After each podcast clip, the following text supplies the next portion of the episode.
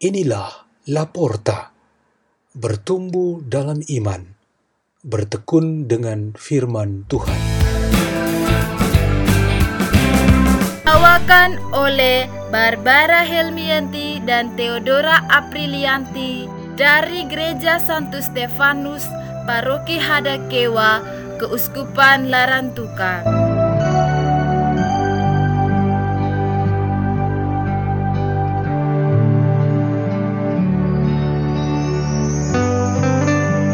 Bacaan dan Renungan Sabda Tuhan Hari Jumat Pekan Prapaskah ketiga 12 Maret 2021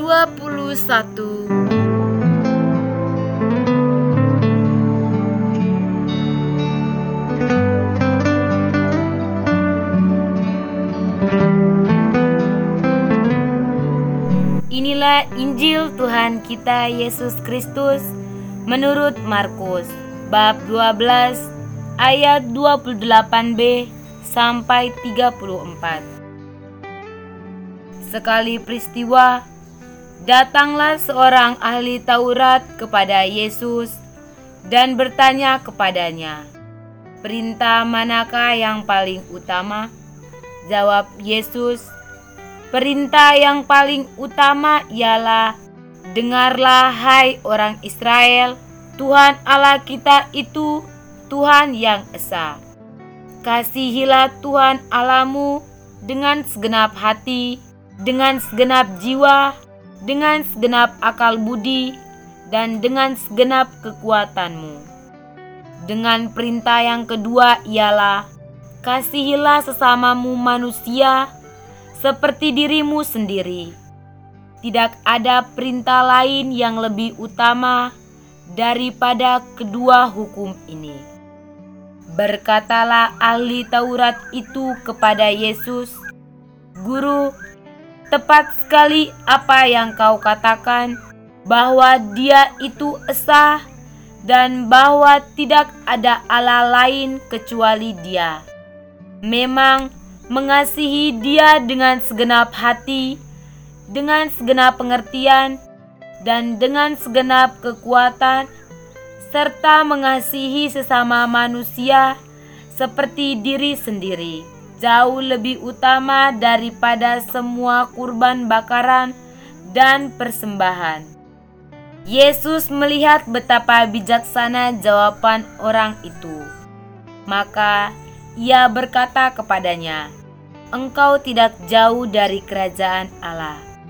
Dan tak seorang pun berani lagi menanyakan sesuatu kepada Yesus. Demikianlah Injil Tuhan.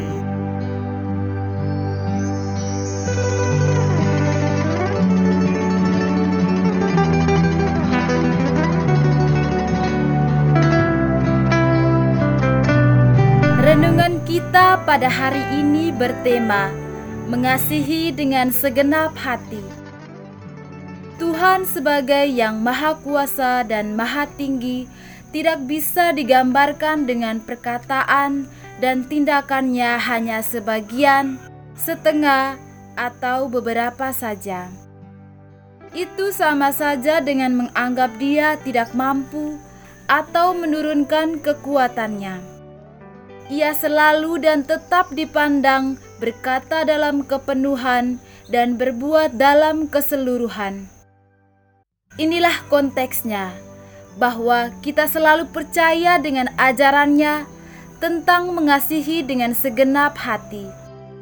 Ini berarti di dalam Tuhan tidak ada yang namanya mengasihi sebagian, setengah, atau beberapa. Sebaliknya, ia mengasihi dengan segenap hati. Ia mengasihi dengan cintanya yang penuh dan total. Tuhan adalah pemilik cinta kasih dengan segenap hati.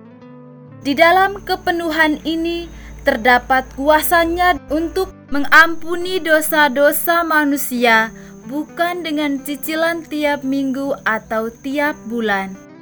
Ia mengampuni satu kali secara penuh jika manusia kembali berbuat dosa, ia juga mengampuni satu kali lagi secara penuh. Nubuat Nabi Hosea dalam bacaan pertama menggambar kuasa Tuhan Allah yang mengampuni dan memulihkan umatnya secara total. Sebagai pemilik belas kasih dan kerahiman, ia mencurahkan kepada kita rahmat supaya kita juga dapat mengampuni. Jika kita kekurangan semangat untuk mengasihi dengan segenap hati, kita harus meminta itu kepadanya supaya diperkuat semangat mencintai. Tuhan yang pertama mengasihi kita dengan segenap hati. Melalui berbagai pengalaman dikasihi itu, kita belajar untuk mengasihi seperti dirinya. Yesus melakukan pelayanan publik di sekitar Galilea dan banyak daerah di sekitarnya dengan pusat ajarannya ialah cinta kasih. Di mana-mana terdapat orang kagum dan menjadi tertarik dengannya. Seorang ahli Taurat pun merasakan ada panggilan untuk mencari kebenaran tentang belas kasih Allah kepada Yesus. Pencariannya itu menemukan orang yang benar dan tepat, yaitu Yesus Kristus. Dari Yesus, kita peroleh hukum cinta kasih yang utuh kita mengasihi Bapa dalam dan melalui Dia.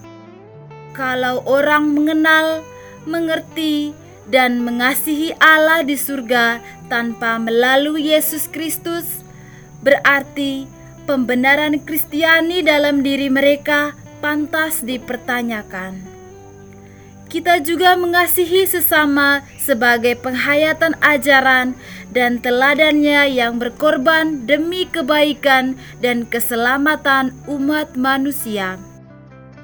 Ajarannya di dalam kitab suci yang terkenal dengan khotbah di bukit dan sabda bahagia menunjukkan betapa Yesus sudah mempersiapkan secara penuh perincian tindakan kita dalam mengasihi sesama.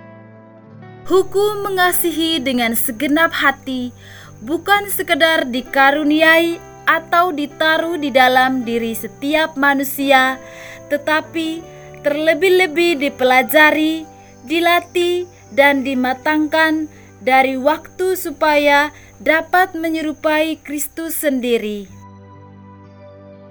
Marilah kita berdoa. Dalam nama Bapa dan Putra dan Roh Kudus. Amin. Ya Allah Maha Kuasa, buatlah diri kami mengasihi Dikau dan sesama kami dengan segenap hati. Kemuliaan kepada Bapa dan Putra dan Roh Kudus. Amin. Dalam nama Bapa dan Putra dan Roh Kudus. Amin. La porta, la porta.